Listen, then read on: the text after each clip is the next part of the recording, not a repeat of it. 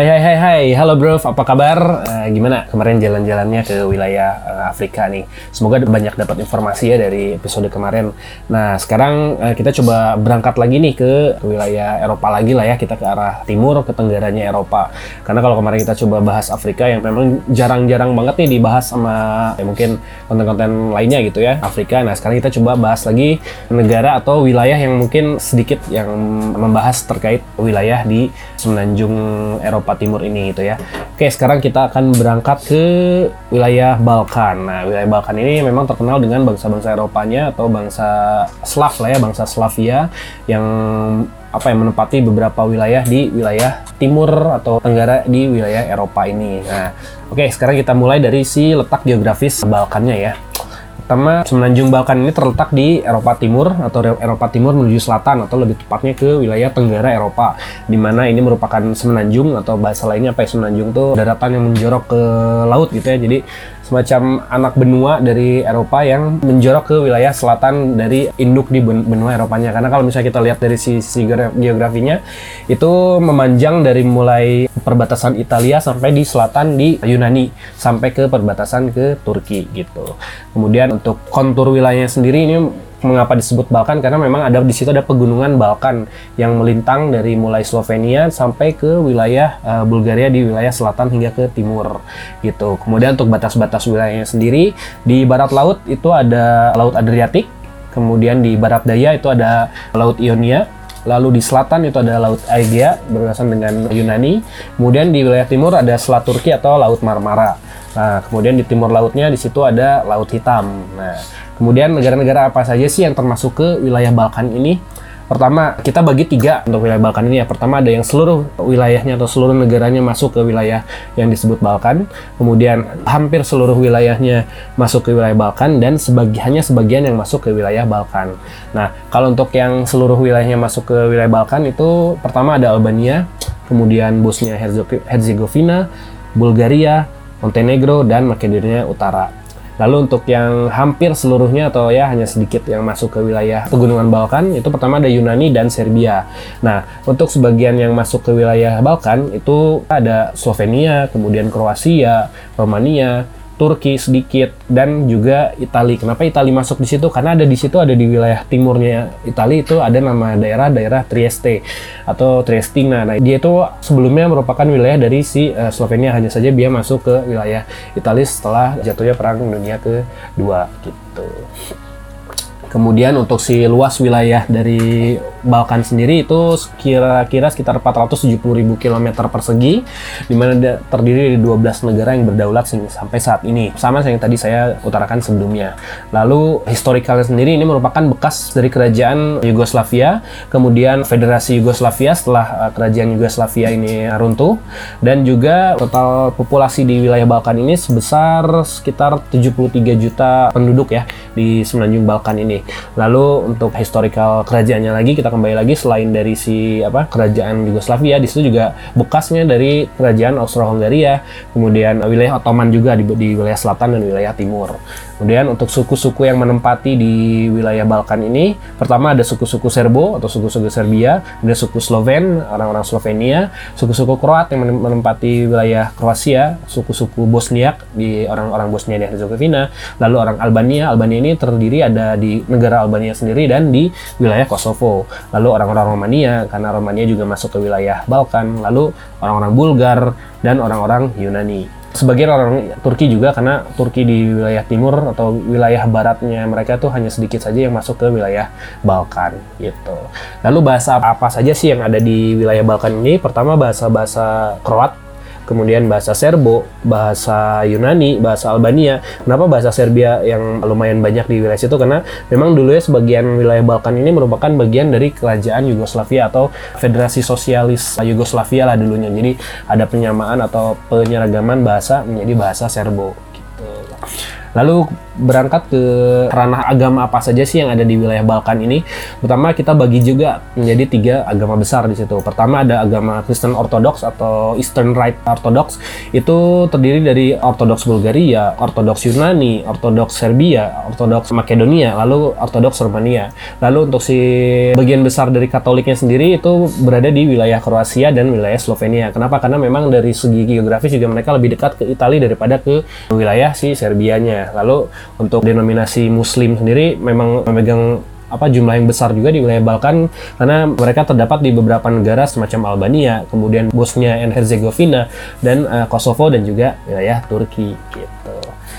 Lalu apa sih asal kata kenapa sih harus disebut Balkan gitu ya? Karena kalau Balkan sendiri kalau berdasarkan definisi secara bahasanya sendiri itu berasal dari bahasa Turki ya, bahasa bahasa Turki orang-orang Turki. Berartinya atau artinya sendiri sih lumpur gitu ya kalau bahasa awalnya hanya saja seiring berjalannya waktu dan sejarah juga Balkan sendiri berasal dari kata Turki modern yang berarti rantai pegunungan yang berhutan ya. Ini menjelaskan juga mengapa wilayah Balkan ini yang terbentang dari wilayah Slovenia sampai ke Bulgaria di bawah itu merupakan wilayah pegunungan dan juga terdiri dari geografis yang berkontur hutan-hutan yang menyelimuti pegunungan Balkan itu sendiri. Kemudian kita ke masalah bahasa bahasa apa aja sih yang ada di wilayah Balkan? Pertama kita bagi lagi juga nih menjadi empat rumpun bahasa yang terbesar. Yang pertama itu bahasa Slavia. Bahasa Slavia ini biasanya memakai abjad atau abjad-abjad Sirilik atau hampir menyerupai dengan abjad Rusia, di mana itu terbagi oleh bahasa Bulgaria, kemudian bahasa Makedonia, bahasa Serbianya, kemudian bahasa uh, Bosnianya juga, bahasa Kroat, bahasa Slovenia.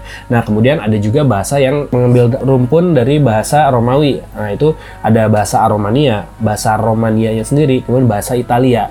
Nah, kalau untuk rumpun yang terbesar tapi hanya sebagai minoritas di wilayah Balkan itu ada bahasa Turkik. Nah, Turkik ini kenapa tidak begitu berkembang di wilayah Balkan? Karena Turki memang hanya mengambil peran sedikit di wilayah Balkan. Dia lebih ke wilayah timur, nanti ke wilayah uh, eh, XX Mongol lah, XX Mongol itu nanti di wilayah Asia Barat. Nanti mungkin bisa kita bahas di lain kesempatan ya untuk bahasa Turkik atau bahasa Mongol itu. Lalu bahasa lainnya yang memang juga berkembang di wilayah Balkan itu ada bahasa Albania dan bahasa Yunani bahasa Albania sendiri memang dia berkembang sendiri menjadi bahasa yang apa independen atau bahasa mandiri lah ya, tidak terganggu dari bahasa Slavia lainnya atau gabung dengan bahasa Yunani itu dia punya rootsnya sendiri lah untuk bahasa Albania karena sangat berbeda lah si struktur bahasa Slav sama bahasa Turki, bahasa Yunani dengan bahasa Albania itu sendiri. Itu jadi kita bagi di empat bahasa besar di Balkan.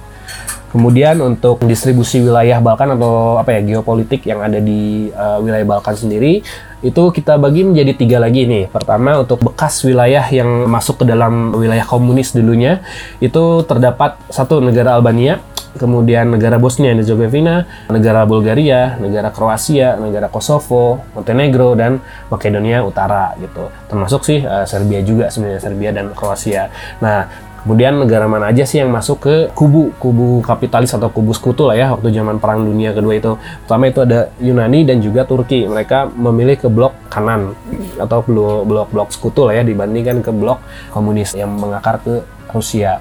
Nah kemudian ada juga sengketa dua blok ya, atau misalnya ini masih diperebutkan oleh dua blok yang bersengketa beres Perang Dunia Kedua ini ya. Pertama itu ada Yunani, kemudian Turkinya sendiri dan Yugoslavia. Kenapa Yugoslavia? Yugoslavia juga memang dia tidak bisa disebut sebagai blok kiri atau blok kanan karena Yugoslavia mempunyai uh, idealisme sendiri, mereka punya apa ya mazhab sosialisnya sendiri yang dulunya dikembangkan oleh Josip Broz Tito, bapak negara dari si Yugoslavia. Gitu. Kemudian lanjut ke organisasi regional apa aja sih yang ada di Balkan. Nah, kalau saya catat sih di sini ada beberapa organisasi yang menjadi wadah beberapa negara Balkan yang mungkin ingin ya ingin maju lah ya. Kenapa makanya ada si organisasi ini? Kita catat ada Southeast European Cooperation Process atau SECP. Ya ini prakarsanya sih prakarsa dari Bulgaria dan uh, headquarter juga ada di Bulgaria ya ini untuk menj menjalin negara-negara yang ada di wilayah Eropa bagian Tenggara. Kemudian ada Pakta Eropa Tenggara ini kalau namanya Pakta pasti terkait dengan militer. Kita pernah tahu ada Pakta NATO yang ada di Eropa Barat, kemudian ada Pakta Warsawa yang ada di Timur. Nah ini pun mungkin bagian dari tandingan atau sebagai wadah bagi orang-orang yang ada di atau negara-negara yang ada di Eropa Tenggara untuk menjamin kedamaian atau perdamaian di wilayah Eropa Tenggara atau di wilayah Balkan. Ini kalau nama lengkapnya The Stability Pact for Southeastern Europe atau uh, Pakta Eropa Tenggara. Kemudian uh, ada lagi the, the Southeast European Cooperative Initiative. Kalau ini sih mungkin lebih ke wilayah bisnis ya. Ini sama halnya seperti Uni Eropa atau misalnya organisasi-organisasi yang mewadahi dari sisi trade atau enggak bisnis lah cooperation and business di wilayah si Balkan atau di Eropa Tenggara. Lalu ada juga organisasi kerjasama ekonomi Laut Hitam atau Black Sea Economic Cooperation Nah, ini untuk menjamin uh, hubungan lah, hubungan multilateral antara negara-negara yang ada di Balkan, di mana yang terhubung oleh Laut Hitam yang ada di wilayah timurnya apa? Timurnya wilayah Balkan untuk menjadi satu kesatuan ya sama kayak halnya ASEAN, Uni Eropa, kemudian kalau di Amerika mungkin ada AFTA dan NAFTA mungkin ya. Seperti itu untuk sisi organisasi internasional yang ada di Balkan. Lalu kita berangkat ke wilayah atau berangkat ke sisi olahraga ya. Nah, olahraga ini wadah olahraga yang menaungi negara-negara Balkan gitu ya. Nah, pertama sih ada nama satu games atau seperti halnya SEA Games di Asia Asia Tenggara, kemudian Asian Games di wilayah Asia. Nah, kalau di SEA Balkan sendiri ini terkenal dengan namanya The Balkan Games atau uh, kejuaraan atletik Balkan. Ini diinisiasi oleh Yunani untuk Yunani ini untuk apa semacam olimpiadenya lah, olimpiade mini untuk orang-orang Balkan biar bisa berprestasi di seluruh olahraga ya, tapi khususnya sih atletik gitu ya. Ini dimulai tahun 1929 itu ada di Yunani di awalnya. Lalu yang terakhir itu di tahun 2022 itu diselenggarakan di Romania. Nah, untuk si negara-negara apa aja sih yang ikut di Balkan Games ini? Itu kalau tercatat sampai 2022 kemarin itu ada 21 negara. Nah, ya sama halnya untuk di luar 12 negara yang saya sebutkan tadi itu ada beberapa yang baru bergabung itu di medio 2000-an. Termasuk nanti penambahannya itu ada si Armenia, kemudian ada Siprus, ada juga Georgia, Israel, Kosovo, San Marino, kemudian Azerbaijan. Nah, ini selain mewadahi negara-negara di Balkan ternyata dia juga mengambil bagian-bagian yang kira-kira menyerempet dengan si negara Balkan tersebut. Ya kita ambil contoh saja ya Azerbaijan, Armenia itu kan dia bukan berada di wilayah Balkan ya, cuman dia terhubung melalui darat itu justru menyeberang ke wilayah timur atau di utara Turki. Nah mungkin itu untuk menjalin atau misalnya menambah sisi kompetitifnya lah untuk The Balkan Games ini untuk dalam upaya untuk meninggikan apa ya uh, prestise dari si Balkan Games itu. Gitu. Lalu kalau ke setelah bidang olahraga pasti kita tidak lupa ke ranah sepak bola. Nah sepak bola sendiri di wilayah Balkan ini memang cukup pesat gitu ya. Hanya saja ada beberapa agenda olahraga gitu ya yang sampai saat ini sampai 2002 ini sih memang su sudah tidak ada sebenarnya. Itu kita bisa sebut Balkan Cup Nah, Balkan Cup ini merupakan kompetisi negara-negara yang berada di wilayah Balkan yang dimulai pada tahun 1929 dan selesai di tahun 1980. Dan memang tidak begitu panjang, tapi nampaknya sih kalau misalnya ini bisa panjang gitu ya, bisa bisa terus berjalan, mungkin bisa menjadi apa ya batu loncatan lah untuk negara-negara Balkan ini berbicara lebih banyak di Piala Eropa atau Piala Dunia gitu. Karena kalau dilihat untuk si negara-negara sendiri sih memang hanya 3 sampai 7 negara saja gitu. Mulai dari Romania, Bulgaria, Yugoslavia, Yunani, Turki, Albania, Hungaria, Poland sampai Cekoslovakia. Nah, Hungaria, Polandia, dan Cekoslovakia kan sebenarnya nggak masuk Balkan gitu ya. Mereka lebih lebih ke Eropa Timur sebenarnya. Tapi mereka ikut ya mungkin karena karena ingin melatih skill mereka gitu. Tapi sayang saja di tahun 80-an si Balkan Cup ini harus berhenti karena apa ya tekanan politik kali ya. Karena di tahun-tahun segitu sih banyak negara yang sudah bubar di wilayah Balkan gitu termasuk Romania tahun 80-an. Kemudian di Yugoslavia mungkin mulai masuk lah gitu. Itu untuk Balkan Cup ya. Lalu untuk di apa sepak bola di level klub ini juga ternyata ada semacam tandingan di Liga Champions lah ya.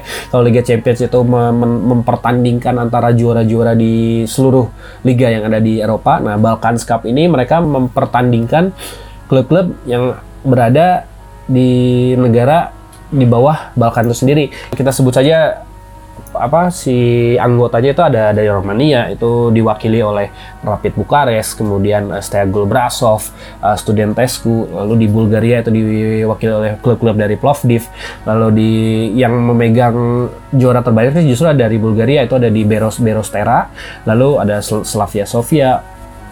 Di klub-klub Yugoslavia juga tidak apa ya klub-klub Yugoslavia juga mengambil banyak peranan penting untuk di Balkan Cup ini karena mereka pernah mengirimkan uh, Dinamo Zagreb, NK Rijeka, lalu ada Ranicki juga.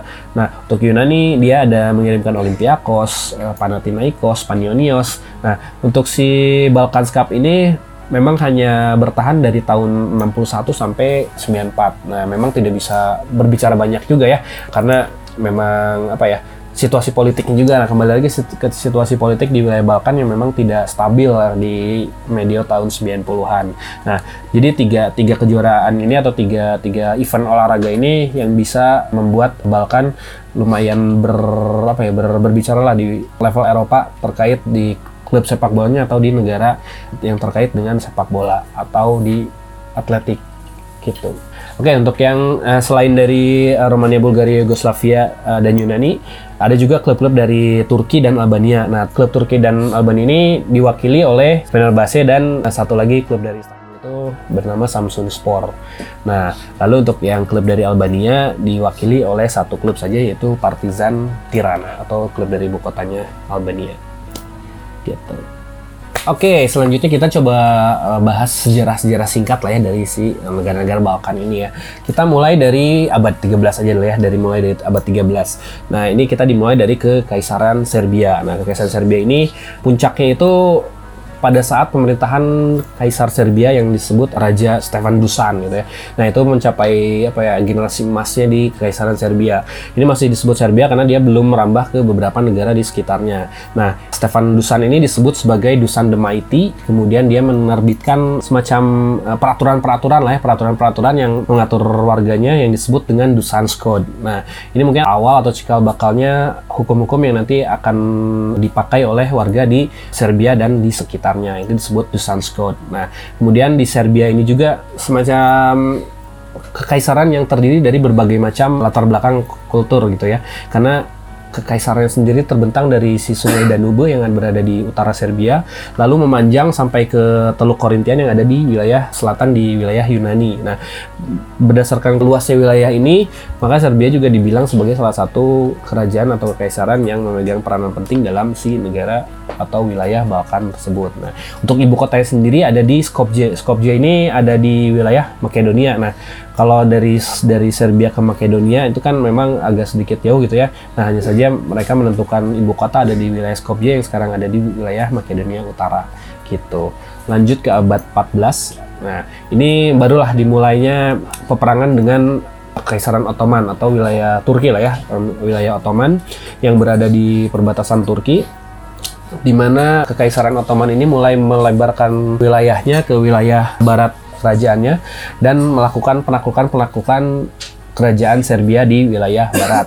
Nah, di mana Ottoman ini mengambil wilayah Kosovo yang merupakan bagian dari wilayah Serbia di tahun 1389, lalu ex wilayah Romawi Timur atau yang dulu disebut Bizantium itu mulai diambil oleh orang-orang Ottoman dan puncaknya itu pada tahun 1453 eh, jelas ya 1453 itu di mana Konstantinopel yang merupakan ibu kota dari Bizantium atau Romawi Timur itu beralih atau diambil oleh Mehmet II atau Mehmet the Conqueror atau disebut Al-Fatih eh, Mehmet Al-Fatih gitu.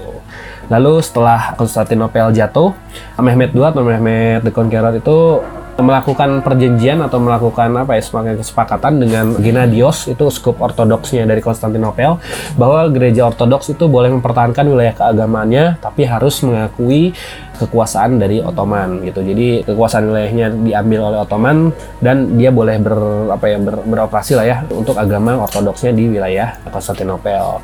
Jadi Ottoman itu menyatakan perang terhadap Venezia yang di mana wilayahnya itu ada di seberang wilayah Balkan dan ini disebut dengan sebutan perang 30 tahun di mana Venezia harus kehilangan banyak wilayahnya karena penyerangan Ottoman ini atau karena perang 30 tahun ini dan mereka harus kehilangan uh, Istria, Dalmatia, Albania, Veneta. Nah, ini yang tiga ini Istria, Dalmatia dan Albania, Veneta ini nanti akan menjadi cikal bakalnya negara Kroasia dan Albania gitu.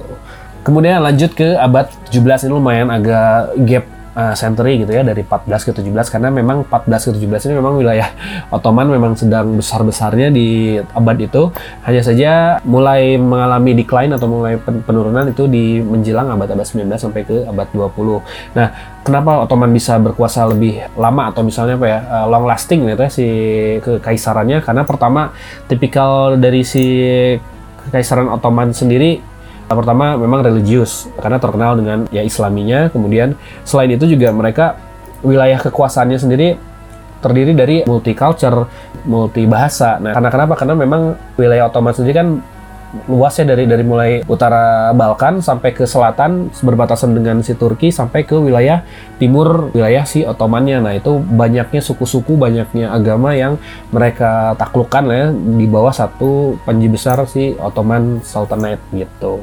Lalu diberlakukannya juga namanya Millet System. Nah Millet System ini apa sih? Nah sistem Millet ini uh, sistem diterapkan oleh Kesultanan Utsmani atau Ottoman untuk mengatur hukum yang berlaku untuk setiap komunitas agama. Nah, jadi setiap agama-agama yang ada di wilayah Ottoman ini mereka berhak untuk melakukan hukumnya sendiri gitu. Pertama untuk umat muslim mereka harus mengikuti ketentuan syariah. Lalu untuk orang-orang Kristen mereka harus menaati hukum gereja-gereja di wilayahnya. Lalu untuk umat Yahudi mereka harus mengikuti hukum halakha. Nah, itulah mungkin salah satu kesuksesan mengapa si kekaisaran Ottoman bisa bertahan lama dari abad 13 sampai akhir nanti di abad 20 gitu. Kemudian karena struktur sosial di Balkan juga pada akhir abad 18 yang sangat kompleks karena banyaknya suku-suku agama dan etnis-etnis di wilayah tersebut, maka bukan tidak mungkin sih mereka juga melakukan banyak pemberontakan juga gitu ya karena banyak wilayah-wilayah ini yang tidak terjamah atau tidak terkontrol oleh orang-orang Utsmani yang jauh dari pusat-pusat apa ya administrasi dari si Kesultanan Ottoman lah ya gitu. Oke lanjut ke 1912 ini ada perang Balkan terjadi dua perang Balkan ya di wilayah Balkan dan musuh utamanya dua-duanya adalah Kekaisaran Ottoman gitu. Nah ini riak-riak pemberontakan ini sih memang terjadi antara si negara-negara bahkan yang memang muak ya dengan uh, penindasan kekaisaran atau kesultanan Ottoman di mana mereka juga salah satu penyebab hilangnya beberapa wilayah Utsmani atau Ottoman yang ada di wilayah Balkan karena ya itu tadi yang saya bilang mereka tidak tidak suka lah akan penindasan dari kesultanan Ottoman. Lalu ini yang agak menarik sih di tahun 1914 dimulai ya perang dunia pertama ini ternyata salah satu penyebab utamanya itu ya percikan di Balkan karena memang tidak sukanya orang-orang Serbo atau orang-orang Serbia yang terhadap kekaisaran Austro-Hungaria gitu ya yang dulu juga memang sempat bersitegang dengan Ottoman. Nah, kalau kalian tahu gitu ya, apa sih penyebab perang dunia pertama ini bisa hadir atau misalnya bisa lahir ke dunia ini? Ya karena pertama itu adanya satu inilah satu peristiwa gitu ya di mana si apa calon penerus kerajaan dari Austro-Hungaria ini disebut uh, Franz Ferdinand gitu ya yang rencananya akan dijadikan raja selanjutnya di Austro-Hungaria ini ternyata mati dibunuh oleh salah satu pejuang lah ya pejuang dari Serbia. Nah sebut saja itu namanya Gavrilo Princip. Nah Gavrilo Princip ini merupakan seorang Bosnia yang kelahiran Serbia gitu ya yang melakukan pembunuhan terhadap Franz Ferdinand di Sarajevo dulu sehingga memantik negara-negara atau blok Austro-Hungaria ini menjadi tidak suka terhadap orang-orang di wilayah selatan, orang-orang Slavia selatan gitu ya. Karena Gavrilo Princip ini disimbolkan sebagai pemberontak yang berasal dari wilayah Balkan. Dan orang-orang Austro-Hungaria ini melakukan invasi lah. Ujung-ujungnya itu akan melakukan invasi atau menyatakan perang terhadap Serbia yang dulu merupakan bagian dari Ottoman. Nah, inilah kenapa uh, Balkan memegang peranan penting pada saat Perang Dunia Pertama. Nah, saya coba baca, bacakan ya. Perang Dunia satu ini yang dipicu oleh percikan di Balkan ketika seorang Serbia Bosnia bernama Gavrilo Princip membunuh pewaris tahta Austria bernama Franz Ferdinand. Kemudian uh, Principe ini, ya Gavrilo Principe ini merupakan masyarakat militer rahasia Serbia yang disebut dengan Sarnaruka atau bahasa Serbianya itu tangan hitam ya the black hand gitu. Nah, dia juga sempat begitu apa begitu melakukan penembakan terhadap Franz Ferdinand dan kemudian ditangkap ya ditangkap oleh tentara Austro-Hungaria. Dia lalu beberapa waktu kemudian langsung di apa ya eksekusi ya dan ada satu kalimat yang sangat terkenal ya dari si Gavrilo, Principe ini. Dia menyebut bahwa I am a Yugoslav nationalist aiming for the unification for all Yugoslavs and I don't care what form of state, but it must be free from Austria. Nah, jelas kan di sini berarti dia ingin Yugoslavia ini terlepas lah, bebas, ya, terbebas dari pengaruh dari Austria-Hungaria ataupun dari Ottoman sendiri. Nah, itu. Kemudian setelah pembunuhan Franz Ferdinand juga Austria-Hungaria mengirimkan ultimatum kepada Serbia di bulan Juli 1914 di mana dengan beberapa ketentuan yang uh, sebagian besar juga dirancang untuk mencegah Serbia lari ke tanggung jawab ya karena si Gavrilo Principe juga merupakan warga negara dari si Serbia juga gitu. Kemudian uh, ketika ultimatum itu tidak dipenuhi oleh Serbia, maka Austria-Hungaria menyatakan perang terhadap Serbia pada 28 Juli 1914. Nah, itulah dimulainya Perang Dunia I yang dicekes atau yang di apa percikan pertama kali oleh uh, seorang nasionalis Bosnia Serbia bernama Gavrilo Principe gitu. Nah, setelah Perang Dunia ke-1 ini apa aja sih efeknya yang terjadi terhadap beberapa negara di wilayah Balkan ini? Pertama, uh, perbatasan banyak negara bagian itu digambar ulang sepenuhnya dan uh, kerajaan Serbo atau kerajaan Serbia, uh, Kroasia, Slovenia itu disebut menjadi uh, Yugoslavia atau Slavia Selatan karena Yugo itu artinya selatan, Slavia itu Slavia. Jadi orang-orang Slavia Selatan itu disebut orang Yugoslavia gitu. Lalu uh, Austria, Hungaria dan uh, Ottoman secara resmi dibubarkan sejak uh, Perang Dunia Pertama itu. Kemudian akibatnya keseimbangan kekuasaan, kemudian hubungan ekonomi, perpecahan etnis yang ada di wilayah Balkan itu benar-benar uh, berubah ya. Lalu ada perubahan ter teritorial juga yang meliputi pertama ada penambahan Transilvania dan Banat Timur Timur. Nah kalau kalian tahu juga kan Transilvania ini kan pasti terkenal ya dengan apa cerita Dracula-nya gitu ya. ya karena memang Transilvania ini memang wilayahnya wilayah di Romania dan setelah Perang Dunia Satu mereka harus masuk ke wilayah dari Romania gitu. Lalu ada penggabungan Serbia, Montenegro, Slovenia, Kroasia, Vojvodina, Karniola, atau sebagian dari Styria, sebagian besar Dalmatia, terus Bosnia dan Herzegovina. Nah ini masuk semuanya ke dalam kerajaan Serbia, Kroasia, dan Slovenia, yang seperti saya tadi sudah sebutkan sebelumnya. Kemudian yang tadi saya berangkat ke awal di mana ada Istria, Zadar, Trieste. Nah itu kembali menjadi bagian dari Italia. Nah kenapa? Makanya kenapa sih Italia itu menjadi bagian sedikit bagian wilayahnya di wilayah timur Italia itu menjadi bagian dari wilayah Balkan. Gitu. Lanjut ke Perang Dunia Kedua atau tahun 1939 sampai 1940-an lah ya. Nah, Perang Dunia II ini apa sih efeknya dari Balkan? Nah, di Balkan ini dimulai dari upaya Italia untuk me, apa ya, me, menciptakan kerajaan Italia baru gitu atau mengembangkanlah wilayah karena kan era fasisme dari Benito Mussolini tahun segitu kan memang lagi gencar-gencarnya untuk memperluas wilayahnya lah ya, entah itu mau ke utara atau ke selatan ke bagian Afrika yang disebut sebagai uh, Somalia atau misalnya di bawah ada Libya gitu ya. Nah, ke bagian timur ini berarti kita bicara masalah terkait yang tadi Trieste dan sebagainya gitu. Nah, itu sebab mengapa Italia ingin menginvasi ke daerah Balkan. Lalu Italia juga ternyata menginvasi Albania pada tahun 39 dan mencaplok setelah Albania mereka ke Yunani dan menuntut menyerah untuk tahun 40 atau 1940. Nah, ini kan bukti bahwa aroganisme dari Italia yang ingin menguasai sebagian wilayah Balkan gitu. Kemudian setelah tujuh tahun juang keras dan beberapa kemenangan sekutu pertama dan Italia ternyata dinyatakan kalah ya di Perang Dunia Kedua ini dan ya harus angkat kaki kemudian harus kehilangan beberapa wilayah di Albania. Nah, itulah sejarah singkat lah, sejarah singkat orang-orang Italia ingin menguasai wilayah Balkan tapi gagal di Perang Dunia Kedua. Nah, terus kemudian efek apa aja sih yang terjadi setelah Perang Dunia selesai, Perang Dunia Kedua ini selesai gitu ya. Kemudian pada 7 Januari Januari 45 itu pihak berwenang Yugoslavia membunuh beberapa ratus orang Bulgaria yang dinyatakan sebagai kolaborator di Makedonia dalam sebuah peristiwa yang dikenal sebagai Natal berdarah atau ya, Bloody, Bloody Christmas sebenarnya. Kemudian ada perang saudara di Yunani juga jadi tahun 44 sampai 49 di mana Yunani juga di apa ya di didukung oleh Inggris, kemudian oleh Amerika juga. Kemudian melawan apa? Melawan Partai Komunis Yunani. Nah, itu pergolakan lah antara liberal dan komunis gitu. Lalu diciptakan juga wilayah Yunani Utara yang komunis karena mereka berbatas langsung dengan orang-orang Serbia ya orang-orang uh, Yugoslavia di utara. Nah untuk pertama kalinya ini disebut sebagai ya proxy war setelah Perang Dunia Kedua karena proxy war ini tidak hanya di, di, di wilayah Balkan ya, ada juga wilayah ya yang lebih besarnya itu antara Amerika dengan uh, Soviet, kemudian di Kuba juga ada, nanti di wilayah Asia juga ada, di Afrika juga lumayan banyak juga perang proxy ya. Perang proxy ini perang idealisme ya, perang idealisme antara yang kiri dan kanan gitu. Oke, kemudian setelah Perang Dunia beres, nah masuk ke proxy war, nah barulah sekarang kita masuk ke era Perang Dingin. Nah, Perang Dingin ini ya perang idealisme antara Barat dan Timur, di mana sebagian negara di Balkan juga diperintah oleh pemerintah komunis ternyata yang didukung Soviet, karena identiknya orang-orang Timur atau orang Tenggara dari Eropa ini memang diperintah oleh orang-orang komunis dan sosialis, gitu ya.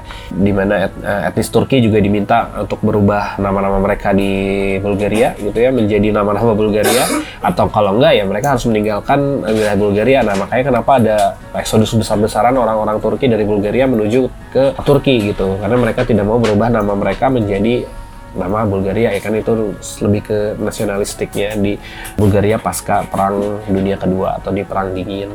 Lalu siapa yang tidak kenal dengan Marsekal Josip Broz Tito? Nah, Josip Broz Tito ini kan penggagas gitu ya, penggagas gerakan non blok lah ya bareng sama Insinyur Soekarno tahun 50-60-an lah ya. Nah, kita bicara tentang Marsikal Josep Broz Tito ini yang nanti juga dijadikan nama kota ya sebagai Titograd nanti di wilayah Montenegro kalau salah. Nah, Josep Broz ini uh, menolak gagasan untuk bergabung dengan Bulgaria dan mencari hubungan yang lebih dekat dengan Barat, bahkan kemudian menciptakan gerakan non-blok yang mendekatkan mereka dengan negara-negara dunia ketiga. Nah, negara dunia ketiga ini memang negara-negara yang tidak bisa tidak terjamah oleh uh, perang proksi tadi. Nah, si Yugoslavia ini berdiri antara di tengah gitu ya antara ke kiri tidak ke kanan tidak cuma dia merangkul negara-negara ketiga yang baru yang baru merdeka dan akan merdeka dengan satu wadah di mana gerakan non blok yang tidak memilih ke kiri ke kanan. Jadi hanya wadah sebagai negara yang berpandangan netral lah ya kalau dalam sistem politik internasional gitu. Kemudian untuk di wilayah selatan di Albania nih Albania ini condong lebih ke komunis Cina Nah, karena Albania terkenal dengan negara komunis di wilayah Balkan gitu. Dan Albania juga menerapkan politik ini ya namanya sebutnya isolasionis gitu. Jadi mereka mengkungkung negaranya bahwa ya maksudnya tidak menerima ide apa pun dari luar gitu ya. Waktu zaman siapa itu ya? Enver Enver Hoxha gitu saya presiden Enver Hoxha gitu di tahun 60-an lah 60 70-an gitu ya. Nah, kemudian untuk ya wilayah Balkan yang tidak terpengaruhi oleh idealisme komunis itu pertama ada Yunani dan Turki. Iya, itu pas era di setelah Perang Dunia Kedua dan sedang Perang Dingin. Gitu. Lalu kita berangkat lagi ke setelahnya atau setelah era komunisme jatuh ya tahun 90-an berarti ya akhir 80 dan awal 90-an gitu ya itu di Eropa Timur kan memang sedang gencar-gencarnya pembubaran eh, negara-negara komunis di mana ketika apa westernisasi dari idealisme Amerika ya. Idealisme Amerika itu menyebar ke wilayah Balkan. Kemudian banyak reformasi-reformasi di situ dilakukan mengarah kepada implementasi sektor ekonomi kemudian ekonomi pasar privatisasi kemudian reformasi kapitalistik lainnya lah ya yang menyebar ke wilayah Balkan Nah, di sinilah beberapa negara Balkan juga menyatakan diri atau lepas dari bayang-bayang eh, komunisme, di mana ada Albania, Bulgaria, kemudian Romania, perubahan sistem politik dan ekonomi mereka juga disertai dengan periode ketidakstabilan politik dan ekonomi, serta peristiwa tragis. Kenapa peristiwa tragis? Karena kalau saya tidak salah sih tahun 89-an itu di Romania ini karena jatuhnya paham komunisme, di situ ada negarawan namanya Nicola Ceausescu. Nah, itu kan terkenal sebagai ya diktator ya diktator di negaranya nah tahun 89 itu dia dieksekusi oleh rakyatnya ya. Rakyatnya sama seperti beberapa kejadian di mana pemimpin suatu negara harus di, harus dieksekusi oleh rakyatnya karena dosa-dosa di masa lalu gitu. Itu Romania oleh Nicola Ceausescu tahun 89 atau salah Oke, sekarang untuk kuis di episode Balkan kali ini, sekarang saya mau ngasih pertanyaan nih untuk kawan-kawan yang tadi sudah nyimak uh, dari awal sampai akhir nih ya. Saya mau kasih pertanyaan terkait peserta dari Balkan Cup yang sempat bergulir dari tahun 1929 sampai 1980 itu diikuti oleh negara apa saja. Nah, sebutkan tuh jumlah negaranya, kemudian negara apa aja yang lengkap. Nah, nanti jawaban yang paling mendekati atau paling lengkap nanti kan coba kita coba pilihkan menjadi pemenang di kuis di kali ini. Ingat ya, Balkan Cup bukan Balkan Cup karena Balkan Cup itu untuk yang negara, kalau untuk Balkan Cup itu untuk yang klub-klub di wilayah Balkan. Itu aja, silahkan menjawab. Semangat-semangat dari Iskandar Bey ini yang dibawa dari zaman dulu sampai nanti ke abad 19 ini menjadikan satu negara Albania itu melakukan uh, national awakening untuk melepaskan diri dari Ottoman dan berhasil merdeka dari tangan Utsmani. Nah itulah sosok dari Iskandar Bey. Yeah.